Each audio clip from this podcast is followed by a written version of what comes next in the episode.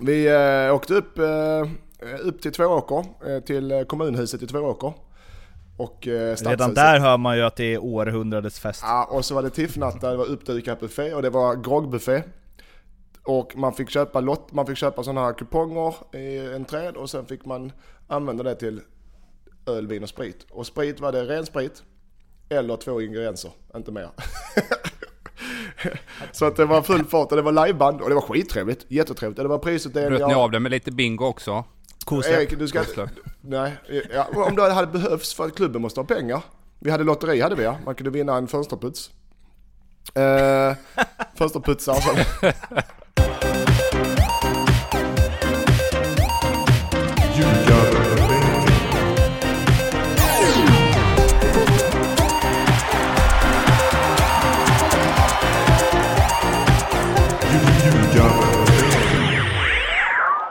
Avsnitt 106 av Ljugarbänken är här. Eh, Nordicbets podcast om allsvenskan i fotboll. En allsvenska som igår vanns av AIK. Eh, och mitt emot mig i Stockholm, mycket trevligt, sitter Erik Edman, eh, nyss 40 blivna. Jag tänker inte sjunga. Nej, skönt. Tack så mycket. Nej, jättekul att bli 40. Jag fick en eh, fin eh, vinflaska här. Tack så mycket för den Mårten. Den kanske går direkt vidare till eh, Jesper Arvidsson. Det var ju kortet som jag kände mig mest nöjd med och för dig Lindström som inte har sett det än, jag lägger väl upp det på sociala medier sen, så det fanns ju liksom inget 40-årskort så jag köpte ett kort med en trea på, för jag tänkte att det är antalet mål Erik gjort i karriären. Vad tror du om det? ja det tror jag. Är det så många som tre? Ja, det är minst tre ska jag säga. Minst tre. Eh, Ett i Heren, alltså enligt statistiken som jag kommer ett i Helsingborg, ett i Heerenveen, ett i Tottenham. Ja, jag har faktiskt ett kuppmål också i eh, Heerenveen. Var det så division 9-lag? Nej, det var Utrecht med Dirk Kuyt Ja, bland var- annat. ja, eh. okej. Oh. Men grattis Erik, kul, det tog grattis säkert på, på på, till 40-årsdagen. Kul för dig. Mm. Ja, stort tack, stort Det har du. Ja. Eh, eh, eh, grattis till, ehm, till eh, tredjeplatsen Lindström. Tack, tack så mycket Mårten Bergman. Det var, eh, Ni missar kvalet med en pinne, men du blev hyllad av Patrik Ekwall på Twitter och det är väl plåster på såren om något. ja, jag fick ju eh, swisha en tusenlapp till honom så. Ja, exakt. Snacka om det tv-lag. Så Kliar du mig lite på ryggen så, så kliar jag dig. Ja men Erik så. Edman, fy fan. eh, Jag jag, jag, eh, jag jag är så jävla trött på dig nu så jag behöver semester. Men eh, det är så det fungerar i livet ju. Ja, men, eh, men eh, för att återkomma till matchen. Ja. 3-0 vann ni med, men det räckte inte för eh, Oskarshamn gjorde sitt va? Ja det gjorde de och det var ingen snack om, de vann med 3-0 mot Oddevold. Så det var väl ingen snack om, eh, om det tyvärr. Eh, och om, som jag sagt innan, vi vill ju vinna men för två åkers bästa som klubb och förening så är det division 1 lagom eh, för organisationen. Jag tror i två åker i Superettan hade kl- klubben inte klarat av. Det hade du ju ändå skitit i för du ska ju dra nu ändå. Men för att prata färdigt så jag, jag är oerhört stolt och eh, glad för att få träna två åker under två år. Framförallt för att jag har kunnat sitta och prata om dem varje vecka i podden här. Och nu, nu att de har en, en, alltså, en rikstäckande eh, fanskara Mårten, tror du inte det? Jo, och det är det som blir lite intressant nu, vad som händer med, alltså vilket, för du kanske inte, det får du ju faktiskt, eh, så ödmjuk får du ju vara, även om du gjort liksom, eh, enligt Patrik Ekwall, fantastisk tränargärning här under två år. Så nästa klubb som värvar dig, det är inte säkert att det bara är för dina liksom, fotbollsmässiga eh, kunskaper, utan det kan ju vara också för den mediala uppmärksamheten som kommer med Som, som ljugarbänken, hybris eh, ljugarbänken är menar du? Att vi tror att vi är störst på mediamarknaden? Ex- exakt så menar jag. Det är som man varvar Erik Edman som, eh, som tränare då. Då får man inte bara ha honom som tränare man får även en stor sponsor där. Med, all, med tanke på guldgruvan han sitter på. Ja, ex- exakt så är det. Ja, Men- jag jag men har du- inte, Mårten, jag så ödmjuk är inte jag. eh, Men jag, jag vill väl tro och hoppas att eh, men jag, jag tror också att just den tränarrollen i Sverige, eller överallt att den här, eh, har vi varit inne på den här gamla ledarstilen, bara stå och peka med hela handen. Den, den behöver försvinna men även att en tränare i, en- i en klubb kanske man behöver ha ett bemötande utåt sett som är kanske lite Likeable. Kan man, kan man säga så? Eh, det, jag tror det blir mer och mer vanligt att man har en tränare men även andra folk i organisationen som är mer breda i sitt område. Jag säger inte att jag är det men jag tror att det blir så. Hur var, ja det är säkert svinintressant, det kan vi ta någon annan gång. Men hur var lagfesten? Ja, det, jag, jag låter lite rosslig för jag är jävligt rosslig ska sägas. Ja. Vi eh, åkte upp, eh, upp till Tvååker, eh, till kommunhuset i Tvååker. Och eh, Redan där hör man ju att det är århundradets fest. Ja, och så var det tiffnatta, det var uppdukat buffé och det var groggbuffé. Och man fick köpa lott, man fick köpa sådana här kuponger i en träd och sen fick man använda det till öl, vin och sprit. Och sprit var det ren sprit eller två ingredienser, inte mer. så att det var full fart och det var liveband och det var skittrevligt, jättetrevligt. Och det var prisutdelning. Bröt ni av det med lite bingo också? Kosläpp. Erik, du ska... Kosläpp. Nej, ja, om det hade behövts för att klubben måste ha pengar. Vi hade lotteri hade vi ja. Man kunde vinna en fönsterputs. Eh, fönsterputsar. Men det var prisutdelning, det var tacktal, det var årets rookie, årets spelare och diverse utmärkelser. Och sen så var det Ha- Hade dansgolv. ni årets tränare? Eh, årets tränare var det inte, men det var avtackning. Jag, fick, jag blev avtackad med blommor som jag tyvärr glömde. Efter eh, där, vi sta- jag och min eh, spelarutvecklare Gustav Andersson som du känner också Erik. Eh, då skulle vi dra oss in till stan tänkte vi. Och då var klockan väl 12 kanske. Och då sprang vi in på Harris i Varberg av alla ställen. Och stannade Oj, där hela oj, oj. natten och dansade. Så Ja, man var nej, lite- Harry känns ju som ett riktigt jävla guldställe. Men som man var lite slirig på första dagen igår kan jag säga. Men det var det fan i mig värt. Det var jättetrevligt. Ja, det, det var du värd. Eh, grym prestation, synd att det inte blev kval. För det hade varit eh, spännande Tack. att följa. Men, Men ja, vi är för glada att du är lag? kvar. Gick det för Eriks lag? Jag vet faktiskt inte riktigt hur Det gick inte lika Kan du bra. ko- fråga det Mårten? Ni förlorade. Nej men vad fasen det kan du skriva på din gravsten. Det är ju stort att du kommer en placering över Eskilsminne där. Jag bara var på nyfiken, Erik. Gravsten. Eftersom, eftersom du har Ja. varit på. Ja. Eh, Men det är vi, eh, ja, får väl, eh, vi följer silly season med spänning. Jag och Erik sitter här med Helsingborgs Dagblad framför oss dag ut och dag in för att få reda på var vår poddkollega tränar nästa år. För det finns väl inget nytt på den fronten antar jag? Nej. Det får du läsa i tidningen Mårten. Guldet till Gnaget ja. De grejade det där till slut, vilket eh, ni lyssnare vetat sen, ja, vet inte när vi sa det första gången, men det var väl i alla fall tio omgångar kvar när slog, eh, slog fast att så blir fallet, så blev det också. Robin Jansson satte ju liksom punkt, pricken över sagan och gjorde enda målet eh, och på något sätt kändes det väl jag tyckte det var skönt att AIK vann på poäng och inte på målskillnad ändå. För Norrköping tog ju åttonde raka segern mot Häcken samtidigt. Eh, Men Lennart kom hem, eh, superfirande förstås. Grattis alla AIK-are där ute. Varför vann de guld? Det, Den som vill ta pinnen får ta den. nej men eh, framförallt eh, den här gamla klyschan, en tabell ljuger aldrig. Men framförallt så är det klart AIKs defensiv eh, har ju varit fullständigt överlägsen i Sverige. Med, eh, med en förlust och eh, vad är det, 16 insläppta. Ja, på 16 insläppta på 30 matcher, det är ju vansinne egentligen. Eh, och där, eh, tråkigt men sant, man bygger väl, nu kommer Erik säkert säga emot, men man, ja, i min värld så bygger man seriesegrar, kanske inte enstaka vinster, men seriesegrar på, på bakifrån. Ja, det är mer komplext än så, jag vet Erik Edman, men om man ska hårdra det, du bygger det bakifrån med stabiliteten och det har AIK gjort. Minst mål insläppta, vinner ligan. Erik, om du får plocka ut en spelare som är viktiga, den viktigaste i det laget. Jag kan inte göra det. Jag tycker det finns så många som har bidragit på olika sätt. Eh, Mattias nämner Henok och Kristoffer Olsson. Jag är jättetjust också i vad Per Karlsson till exempel har bidragit med. Oskar Linné har inte stått de två sista, varit jättebra. Liksom, han fick ett, ja, ett bra år förra året också ska man komma ihåg. Men han hade ju den här matchen mot Braga där han dabbade sig och fick ju otroligt mycket kritik. Han har samlat på sig en hel del erfarenhet och sen tycker jag han har växlat upp och Jansson, alltså det finns många, Sundgren. Jag kan inte nämna en men, men eh, måste jag ta ut någon som jag tycker har varit eh, bäst så är det väl Kristoffer Olsson. Jag tycker han har tagit otroliga steg och varit en sån här eh, problemlösare kan man väl säga. Där, där liksom han kan ta sig ur press och skapa oreda och, och möjligheter och, och, så här. Så att eh, han har varit jättebra. Det känns också som många i, i det laget eh, Alltså det är lätt när man sett alla, alla segerbilder, alla tårar och så, men det känns som att det är så många i AIK som brinner för AIK. Alltså Daniel Sundgren extremt, Alexander Milosevic också extremt, Goitom, Rickard Norling inte minst. Det känns som att det är så himla många som bryr sig så otroligt, otroligt mycket. Det är visst, det är alltid glädjescener när lag vinner SM-guld, men det var länge sedan jag såg så mycket tårar liksom.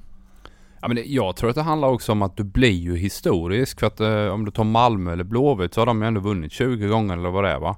Men AIK, detta är fjärde gången de vinner guld. Så att någonstans så när det blir mm, liksom intervjuer och liksom tillbakablickar så kollar man 98 och man kollar 92 och sen är det ju för fan eh, 1800-talet eh, sen, sen nästa guld kom. Så att det är klart att detta är ju speciellt. Även om AIK är en superstor klubb med jättemycket fans så har de ju inte vunnit speciellt mycket. Så att jag tror att det gör ju att shit, jag är ju med om något riktigt speciellt här om vi redan nu, eh, nu kanske ni är några där ute som bara, men ska ni inte gotta er i det här i liksom en timme, eller ska inte vi få gotta oss i det här en timme, att om vi bara ska mala nu massa AIK? Nej, så kommer det inte bli. För då hinner vi inte alla andra grejer vi ska prata om. Men eh, om vi Ja, jag såg Axel Pileby frågade ju igår hur det skulle kännas att gå in i Champions League-kval. Det är om åtta månader. Han kämpade på där och försökte få någon kommentar om det. All heder till dig Axel. Men eh, om vi redan nu blickar lite framåt då. Vad kommer ske med det här AIK tror ni? Vilka spelare kommer försvinna? Vad behöver värvas in? Och liksom, vad är det för AIK vi kommer se som startar Svenska Kuppen om, ja vad är det, fyra månader? Det, det, finns ju en överhängande risk att många av de här som har, har, nu har vunnit att man känner att okej okay, nu har jag liksom, nu kan jag bocka av det på, på mitt CV och nu ska jag dra vidare ut i Europa. Milosevic har ju hintat, Kristoffer Olsson kommer garanterat dra. AIK behöver de pengarna man får in på honom till exempel. Oskar Linnér är säkert också sugen på, på, på att rulla vidare. Så att det är ju en utmaning för eh, Väström att liksom sätta ihop en trupp som kanske inte är redo att, att fightas om Europa liksom till, till kuppspelet. Att den ska på något sätt vara klar där, för det kommer säkert hända saker i sommar också. Va? Eh, men jag tror att det är av yttersta vikt att också Rickard Norling fortsätter. För precis som Mattias var inne på så är det ju det här med kontinuiteten, att de faktiskt har gnuggat det här försvarsspelet och sen faktiskt också utvecklat ett, bättre, mer kreativt eh, offensivt anfallsspel som är liksom mer intressant att se. Det är ju roligare att titta på AIK idag än för, för 18 månader sedan. Men i grund och botten så har han jobbat stenhårt med det och det måste de fortsätta göra för jag tror att de har bra möjligheter att komma till Europa League i alla fall. Men i, alltså i det här, de kommer ju backa många, många, många miljoner i år. Eh, gjorde en rejäl satsning. Jag, alltså, det, jag vill någonstans ställa mot att, så här, att ta sig till Champions League. För att Europa, tar de sig till Europa League så skulle det i alla fall väga upp en enorm satsning så det blir plus minus noll eller kanske ett par miljoner plus. Men om de skulle lyckas med att gå till Champions League så hamnar vi ju där, Malmö, alltså att man är garant säkrat ekonomin många, många år framöver om man fortsätter sälja spelare i hyfsad takt liksom. Vad tycker ni då, alltså för man kan ju fortsätta gå all in nästa år då. Och liksom trycka på och värva, ja men så här, Wolf Eikrem kvalitet på spelarna.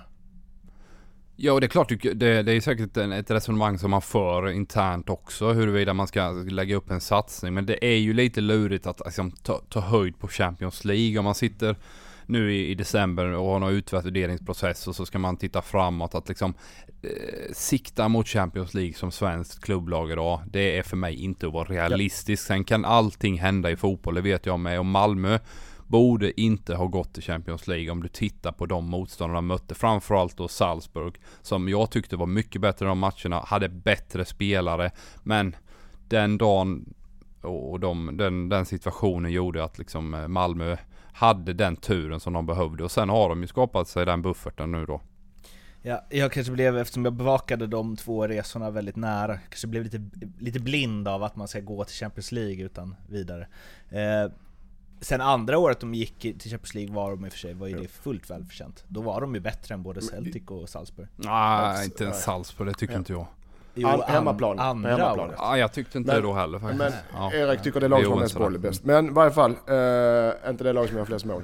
De, eh, de Jag tror inte AIK går den fällan. Många andra lag, HIF har gjort det någon gång också. Man, man köper in och satsar för ett Champions, eh, ett Champions League eller Europa Euroleague kvalspel och med, med dyra spelare och många spelare. Sen blir det inte, går man inte vidare, då sitter de här spelarna och då är det folk som ska sitta vid sidan av med du har en spelarbudget på spelarlöner som är alldeles för höga för Allsvenskan egentligen. Så jag tror inte de går den fällan. Jag tror inte det. Ja, eh, det var det om AIK. Eh, nu vill jag ju återkomma till dem eh, i framtida avsnitt. Ja, vilken superdålig övergång. Kör en bumper här Martin. Malmö FF gjorde också som, eh, du sa det väl i alla fall Erik, att de skulle knipa Europaplatsen. Eh, och Eh, för Bayern slarvade bort det uppe i Östersund, låg under med 2-0, gick upp till 2-2, tänkte man att det här blir en heroisk vändning, Östersund gjorde 3-2 slutade till slut 3-3. Mm, eh, det som såg så säkert ut för Hammarby för några matcher sedan, ja, de eh, blev omsprungna till slut. Och vem är det då som springer om på upploppet? Jo, Marcus Rosenberg. Förstås, igen, alltid när det gäller Malmö FF. Tidigare i veckan meddelade han att han förlänger och spelar ett år till. Jag ska, jag kan, kan klippa ut en snutt här från min intervju med honom inför säsongen när jag frågade om det är 110% säkert att han lägger av efter den här säsongen.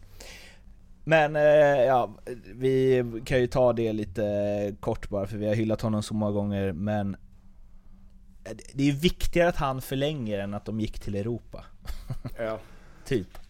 Det hänger väl ihop kanske. Ja. Eh, men, men, det är klart att liksom, det gör ju att de får den liksom, lugnet. Eh, eh, framförallt när de liksom inte behöver vinna kuppen. Så att det är klart att det är jätteviktigt och att eh, till slut fixa det. Det är otroligt starkt gjort. Sen är det ju ändå lite så, om man nu ska vara lite gnällig, lite negativ.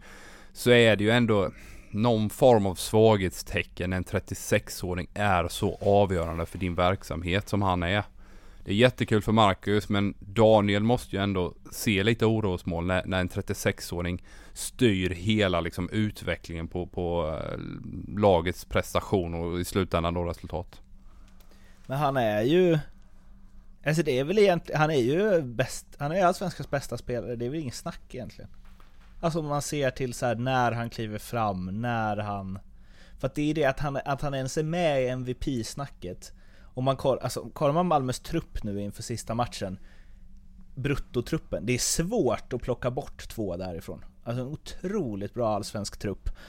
Och ändå så är han Ja men han är ju en av MVP i eh, Allsvenskan, vilket ju egentligen inte ska gå, alltså Batanero är det ju, för att han är så jävla viktig för Sundsvall. Och jag tänker, man ska inte kunna vara så viktig för ett lag som har den truppen som MFF har. Men det säger ju något om Marcus Rosenberg. Jag är kvar, jag bara sitter och funderar på det Erik sa också, att, eh, att det är ett svaghetstecken för Malmö. Som, det, det, det rör sig mer än bara fotbollsbiten såklart som Erik är inne på, även du. Men i fotbollsbiten, det är obestridligt att han är duktig eh, och viktig för laget. Men sen är det ju så mycket mer med businessen runt Malmö FF, vilket ju hans namn är och mig. Eh, man, om man inte tar in Zlatan så de inte kanske gör det. De måste ha något. De måste ha, Malmö, de är mätta i Malmö. Det är guld och det är Champions League och det är efter. De, och det är talanger som kommer och går och det säljs hit och dit. De måste ha något dragplåster som står över allt annat. Det är väl så de tänker. Det är väl så Danne tänker att vi måste sälja årskort, vi måste få sponsorer, vi måste få 15 000 per match.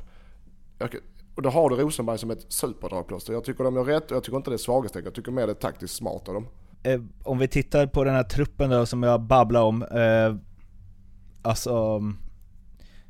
Nu, om vi återigen gör en pileby då och tittar ett år framåt. Malmö måste väl i dagsläget vara favoriter till guldet? Ja absolut. Absolut. Med den, som du själv sa med den truppen med plocka bort Molins och någon annan nu med 20, i 20-mannatruppen. När du har sådana namn som inte var med i truppen, ja då ska du vara favoriter i, i, i Sverige.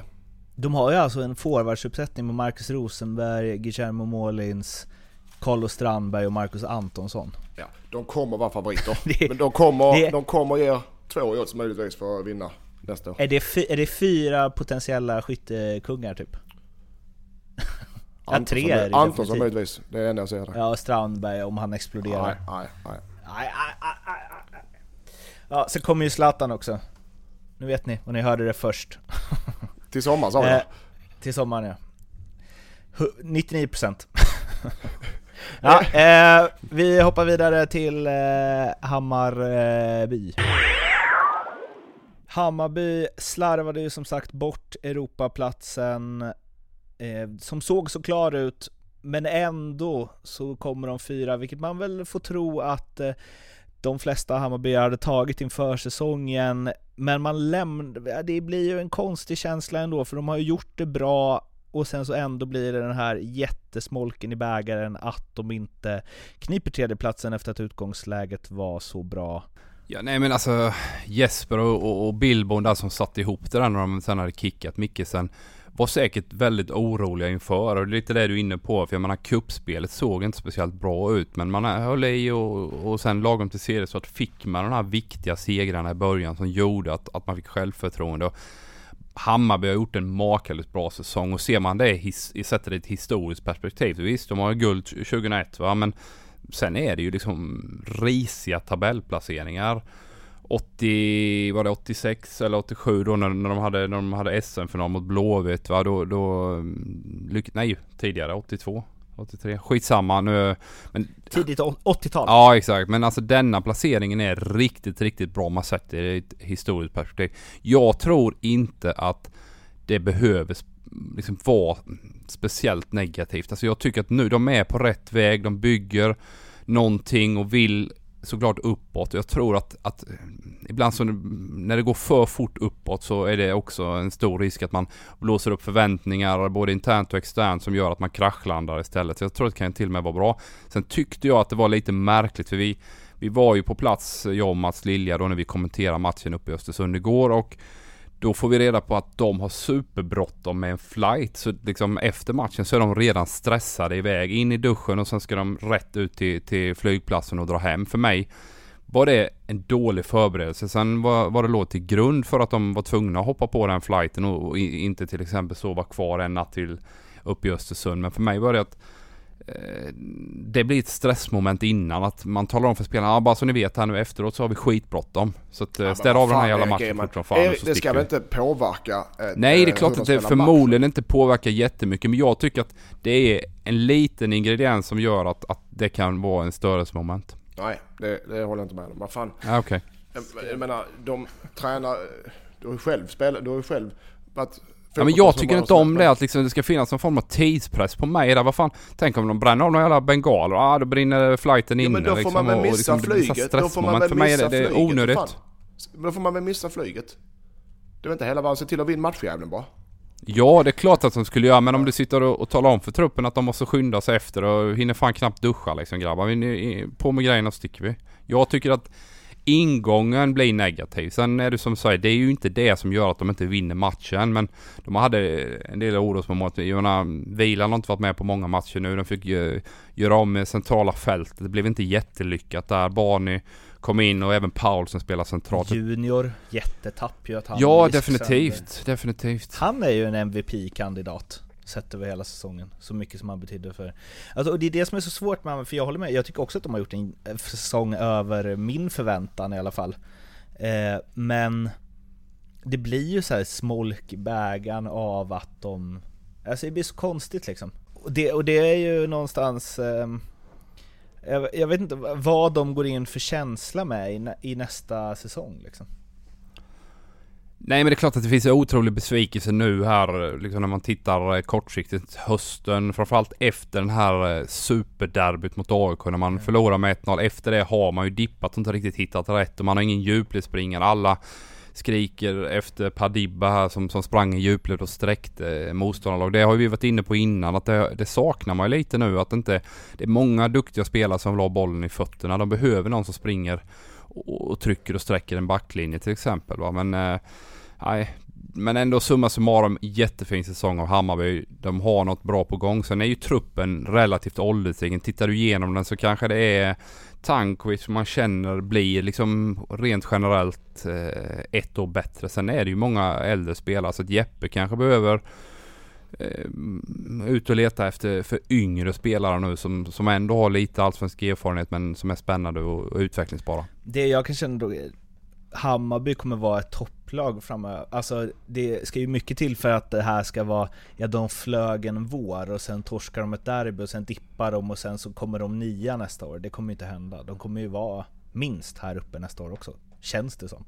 Alltså de är på väg mot en resa att bli ett topplag. Jag har ju, jag har ju stått fast vid att eh, Hammarby...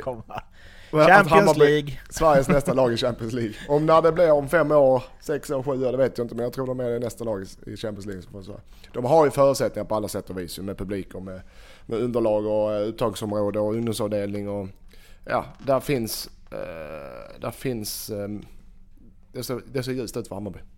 Snart står ju nya Årsta klart också. Ja, eh, Hammarby supportrar, ni behöver alltså inte gråta för mycket för att eh, snart är ni i Champions League. Eller någon gång kommer ni vara i Champions League i alla fall och inget annat svenskt lag kommer vara där innan er.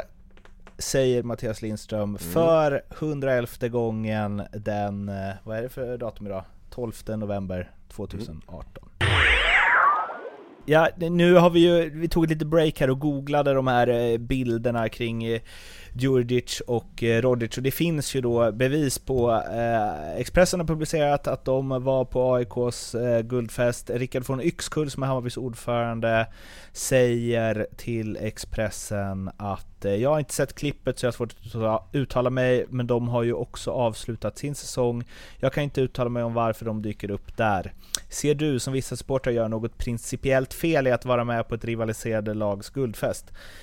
Gud vilken svår fråga. Spontant nej. De är individer, de tar sina egna beslut. Jag hade såklart hoppats att det var vår guldfest de varit på, men det är som det är. Sportexpressen har sökt Djurdjic och Rodic utan kommentar.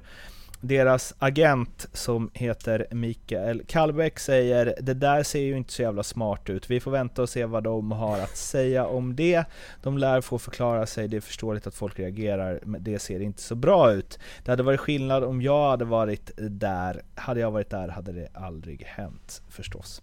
Eh, Ja, eh, på Soapbar på Stureplan var de, det var en söndag, jag vet inte hur mycket som hade öppet till den tiden om man nu prompt skulle ut och festa efter att ha missat en Europaplats. Som gamla spelare så, vad känner ni? Nej, jag tycker eh, att man ska hålla sig hemma. De missar en Europabiljett. Eh, och är man riktigt jävla sugen på att grogga till det så kan man fan sitta hemma i sin lägenhet och, och köra en, en, eh, en skiva istället för att gå ut. Jag tycker att det är att reta upp Hammarby-fans och, och man pratar om supporterstöd hit och dit och då får man också Eh, ja, man får ehm, spela efter de reglerna som någonstans jag tycker finns där från supportrarna. Man ska inte umgås med eh, konkurrent och framförallt då i en Stockholmsklubb också. Man ska hålla sig hemma. Ja, jag håller med. Det är, som man brukar säga, det är väldigt olyckligt eh, tillfälle att gå ut och festa. Ja, de, klart de visste om att AIK hade guldfest där.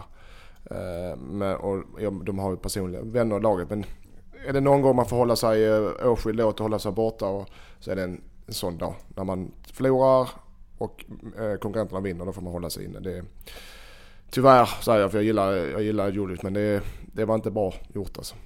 Nej, varför gör, alltså, att de ens sätter sig i den situationen. Ja, men, ja. Ja. Nej men vadå, alltså Djurdjic är en erfaren spelare. Han har själv spelat i Partizan Belgrad. Skulle han eh, få för sig att gå in på Röda Stjärnans guldfest? Nej, jag tror inte det. Så vad, vad gör han på Sopar? För mig är det liksom... Eh, går det yxskaft på det här beslutet alltså.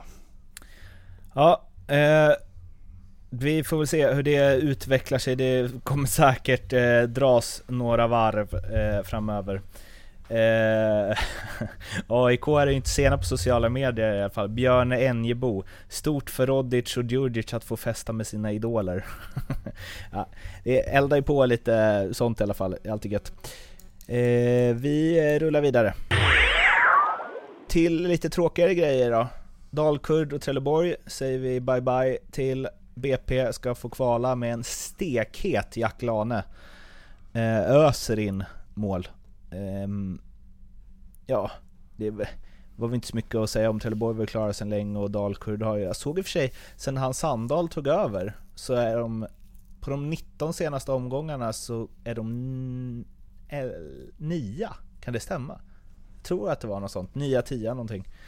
Eh, men båda ut där och ja, ska man se det publikmässigt och så, nu vet jag ju inte om Falkenberg kommer dra fulla hus direkt.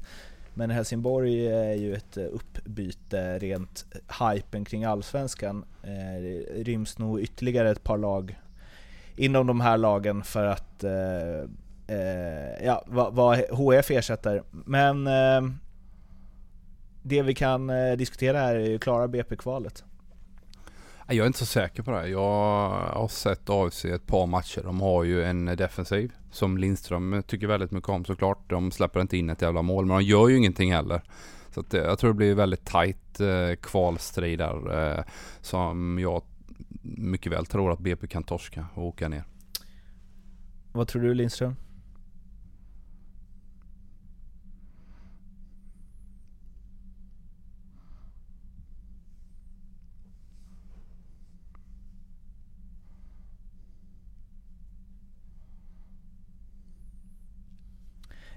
Är vi helt objektiva liksom mediafolk här eller känner vi något? Vilket av lagen vi vill ha i Allsvenskan? Jag menar Ryssholm, jag har faktiskt inget emot den här Ryssholm. Jag tycker till och med att det är nästan lite spännande vad, vad de gör. Sen vet jag att eh, våra lyssnare förmodligen hatar AFCs satsning och, och den här Dalkurd-idén och alla de här bitarna. Men ändå, det är klart att det är inte demokrati, det är det absolut inte. Föreningsdemokrati är på yppersta toppklassnivå direkt. Så. Men eh, ändå lite spännande lösningar. Sen vilka kreativa eh, ja, kontrakt han har skapat fram där med till exempel den här italienska keepern som ändå har gjort 100 Serie A-fighter. Han hamnar i AFC Eskilstuna eh, låt, luktar lite fishy.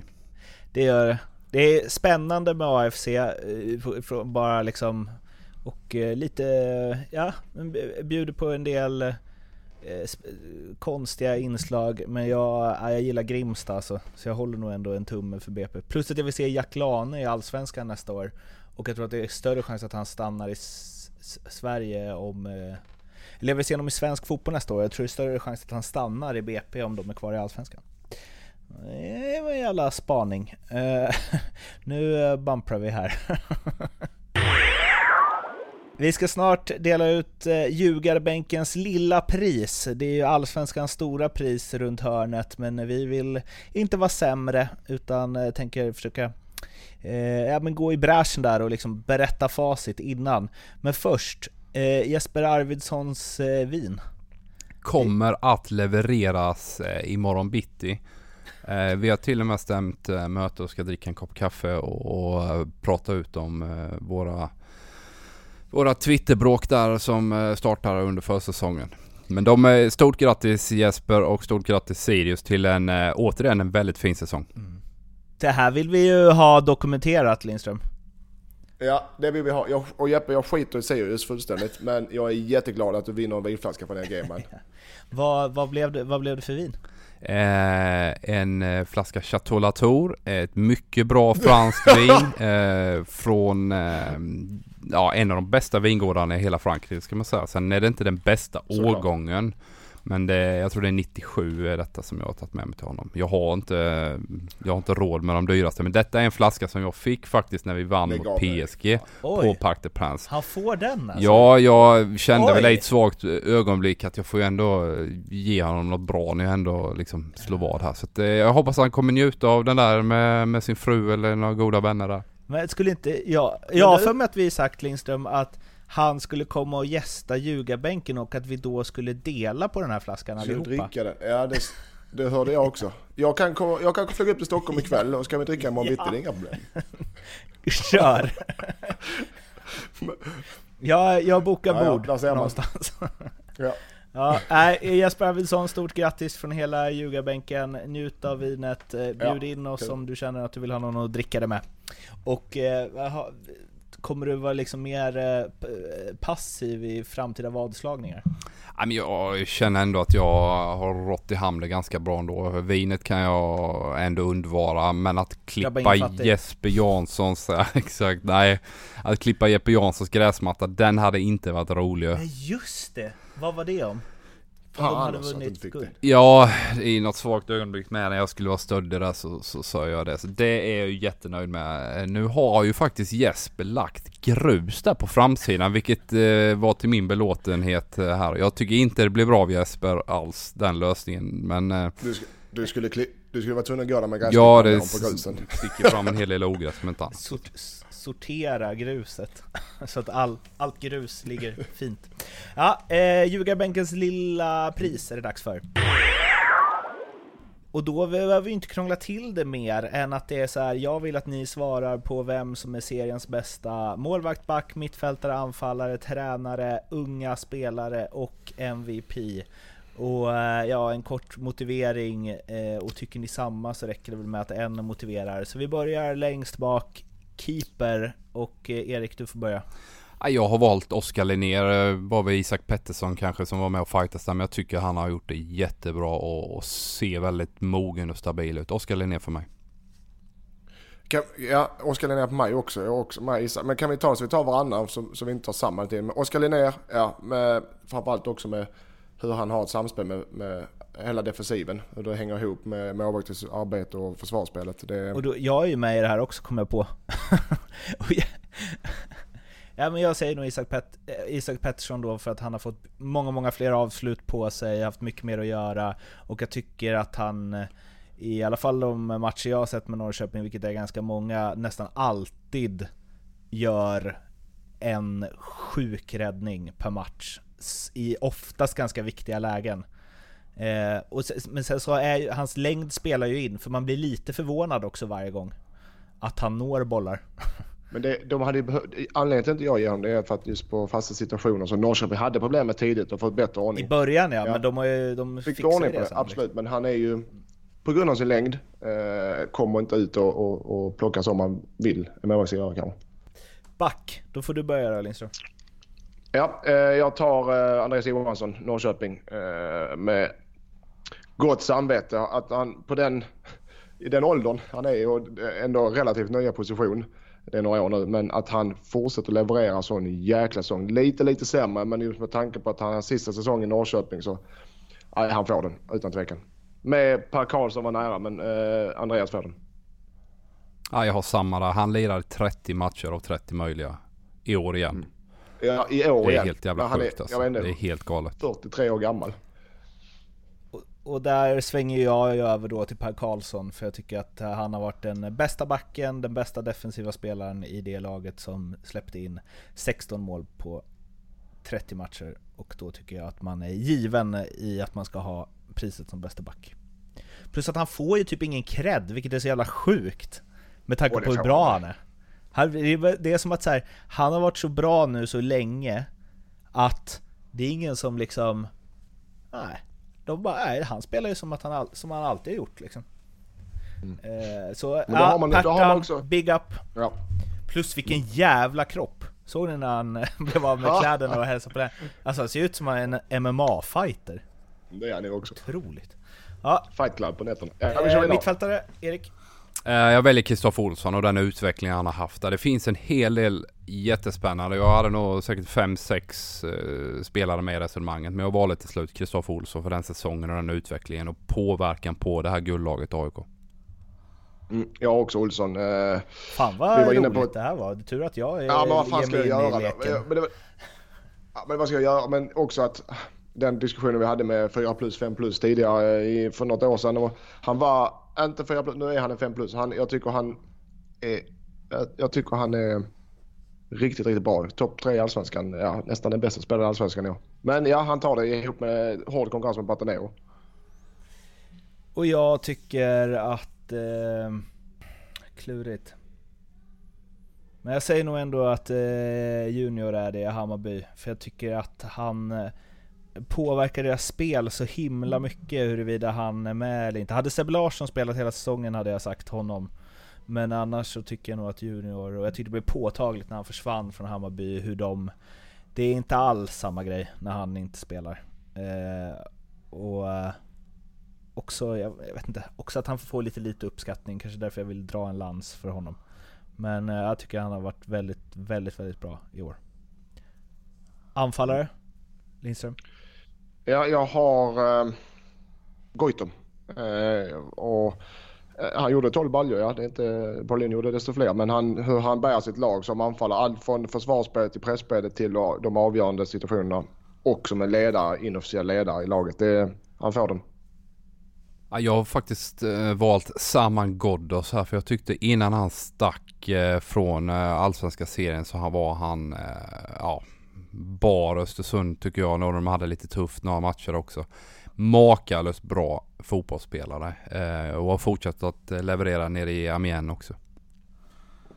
Och jag slits här mellan Paulinho som ju vräkte i mål och eh, mål på alla möjliga sätt och vis. Och Marcus Rosenberg som jag tycker eh, Eh, ja, eller så här, för att han är den bästa anfallaren i serien. Och det finns någonting kring Häcken och jag, fan vad jag inte gillar att det är så, men det, jag tänker att det är lättare att göra mål där. Och det är liksom, de hade, vad hade de, vad sa vi, 10, 11 vinster och en torsk på 12 matcher. Alltså, det är klart att det är grymt liksom. Och det är fler som borde uppmärksammas mer där. Rasmus Lindgren hade säkert kunnat vara med kring bäste back liksom så, men för mig är ändå... Eh, ja, när Marcus Rosenberg har varit som bäst i år så tycker jag inte att det är någon anfallare i serien som är nära honom. Ser du över hela säsongen Mårten så tycker jag inte man kan ta Marcus Rosenberg för att han var ganska svag i våras tycker ja. jag. Men Mårten får vi göra det? För det ja, ja, jag skulle bara gå in och, ja, och säga vad jag tyckte. Det, utifrån det så tycker jag att Ghoddos, eftersom han inte spelat hela säsongen också, ja, det, att han fick sant. inte en chans att dippa. Det är mycket lättare att liksom ösa Han har ju inte dippat, han har ju fortsatt nere i Amiens och, och levererar frisparkar bara varannan omgång. Ja. Mm, Okej, okay. Paulenberg tar jag. Rosinho. Rosinho blir mitt val som årets tränare, eller anfallare. Vem är årets tränare Erik? Årets tränare är Jens Gustafsson. De skrapade ihop 65 poäng, vilket är helt jädra otroligt bra i IFK Norrköping. Och då har man ändå sålt spelare för över 65 miljoner under sommaren. Så för mig är det en prestation som är så jädra häftig och imponerande. Ja, ja, ja kul. Uh, Joel Cedergren, Sundsvall. Eh, men se, framförallt det sättet de spelar, eh, även om vi inte tror det så är det underhållande. Jag tycker också det är underhållande. Och de, har, de har, de en, har hittat en del guldkorn i, i, eh, i sina spanjorer. Men 44 poäng, en åttonde plats där det kunde vara, de hade hängt på Europaplatsen ett bra tag. Det är imponerande för ett GIF Sundsvall. Så säger du det. Ja, och jag, jag håller med dig Joel Cedergren. Eh, på eh, upptaktsträffen inför Allsvenskan så samlar man ju alla tips från alla experter och lagkaptener och tränare och allt vad det är anonymt. Och då hamnade, när man räknar ihop alla dem, hamnade GIF Sundsvall på 16 och sista plats. Och eh, det Joel Cedergren har gjort utifrån den spådomen är ju eh, beundransvärt på alla sätt och vis. Blir jävligt intressant att se om de kan följa upp det nästa mm, år. Det blir det. Årets unga spelare? Ja, jag har Lane, Jack Lane, BP där. Eh, ja, eh, ganska såklart mina ögon. Han, under, han är, bär BP på sina axlar och det ser ruskigt eh, roligt ut. Spännande ut ska man säga. Mm. Jag kör islänningen Arno Sigurdsson där och den utvecklingen han hade. Gjorde ju också mål nu i Champions League mot Roma och sen igår smällde han in en balja till mot Zenit i toppmötet i ryska ligan där. Så att eh, han är solklar för mig. Får du procent på honom eller? Eh, eftersom det är du som har eh, fixat, fixat honom. Fixat honom till Champions League. Nej men jag är så jävla nöjd med att jag pinpointade honom redan på uppsta, upp, uppsnacket här inför säsongen och sa att han kommer bli bra. Det och fick där man är rätt. också, det får man ju säga, jag såg lite den matchen mot Roma och det är ju... Ja, alltså om vi, om vi inte ska hålla oss till spelare som spelat hela säsongen så tycker jag också att han är den. Eh, den, med, den som visar upp störst potential av alla unga spelare. Eh, även om, ja det står ju mellan han och Jack Lane, men jag säger ja, jag säger Sigurdsson där. Och sen har vi ju Allsvenskans MVP då, och där får Erik börja. Ja, jag kan inte titta bort från Ante Johansson och den påverkan han har haft på Norrköping. Och det är lätt att man kanske tittar ett par år bakåt i tiden då med tanke på utvecklingen på Norrköping som klubb och förening och alla de här bitarna och alla försäljningar bla bla bla. Men även i år har han ju varit otroligt viktig och visst eh, defensivt så har de utmaningar eh, redan med Ante men jag tycker just det här uppspelsfoten och liksom kylan när han vinner boll och kunna trä in passningar mellan linjer. Det, det finns ingen som, som, som slår det i hela serien och han är instrumental för Norrköping. Det ska bli jävligt häftigt att se vad som händer nu Ja. med Peking. Jag har också Andreas Johansson i Norrköping och det är ett faktum att han är tränare Jens eh, viktigaste pusselbit eh, både på och utanför planen och varit i, i, lä- i längre tid nu med alla spelare som kommer in som ska, som ska fasas in och i spelsystem och i eh, sätt att vara och allting. Han är mer, så jävla mycket mer än bara på planen så att eh, årets mest värdefulla spelare. Jag vet vad du kommer ta Mårten. Vad kommer jag ta? Ja, Rosenberg antagligen. Jaha. Nej, där håller jag med er. Ante Johansson Ja. kommer saknas oerhört och jag skulle säga redan nu innan man vet vad Norrköping ersätter med. Så om, om de gör den här prestationen nästa år, om de tar så här många poäng nästa år. Alltså då blir Jens Gustafsson nästa landslagstränare.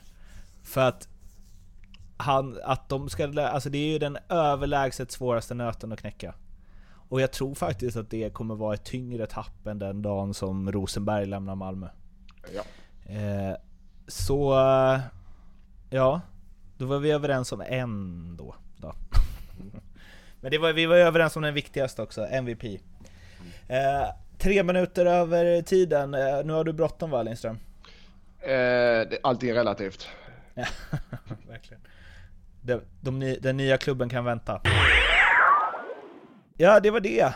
Eh, för den här säsongen höll jag på att säga, men det stämmer ju inte riktigt. Vi har ju fortfarande det här hundrade avsnittet, vi vet inte riktigt vad som händer där. Eh, men något kommer hända, det kommer komma eh, så småningom. Julafton? Mm, kanske. Men det kommer också komma två andra avsnitt. Dels en intervju som ni två gjorde med Magnus Persson, som släpps om några dagar. Det ska bli oerhört spännande att lyssna på, för där är jag ju bara en betraktare. Kommer, kommer hamras på i kommentarsfälten där. Med kritik mot intervjuteknik och så vidare. Och sen så imorgon så träffar jag och Erik, det är en som vi inte pratat om idag, men Andreas Isaksson gjorde ju sin sista match i karriären, lägger handskarna på hyllan. Och vi har bokat en radiostudio, fint ska det vara, när de finaste ska intervjuas i två timmar imorgon. Då vi ska jag vet inte, om, kan han prata i två timmar? Han har ju varit oerhört liksom svårintervjuad en hel karriär. Alltså nu får han ju äntligen chansen att tala om vem han är va. Så att eh, om vi får någon form av hej baberiba eh, svar där så kan vi stänga ner hans liv för alltid och får han spela padel ute i Norberg. Nu har han sin chans att, vi får ju trycka på det. Vi tar väl någon kaffe innan så innan vi går in i studion. Då är det så här, du vet att bygga varumärke, vara var aktuell när man saknar rampljuset. Se på Erik, han syns och hörs överallt. Det blev ett sånt tomrum att fylla. Eh, så ja, det kommer vara en intervju som vi hoppas att många av er uppskattar. Men först MP alltså. Så åtminstone tre avsnitt till innan jul av eh, Ljugarbänken. Så stay tuned som man säger, så kan ni följa oss och bilder på eh, vinöverlämningar och eh, diverse hittar ni på eh, Ljugarbänkens Facebook och Ljugarbänkens Twitter och Ljugarbänkens Instagram. Prenumerera gärna på iTunes och Acast. Och ja, hör av er om ni, det är något. Så ska vi svara i den mån vi kan. Må gott, så hörs vi snart. Hej då! Hej då. Hejdå. Ljugarbänken.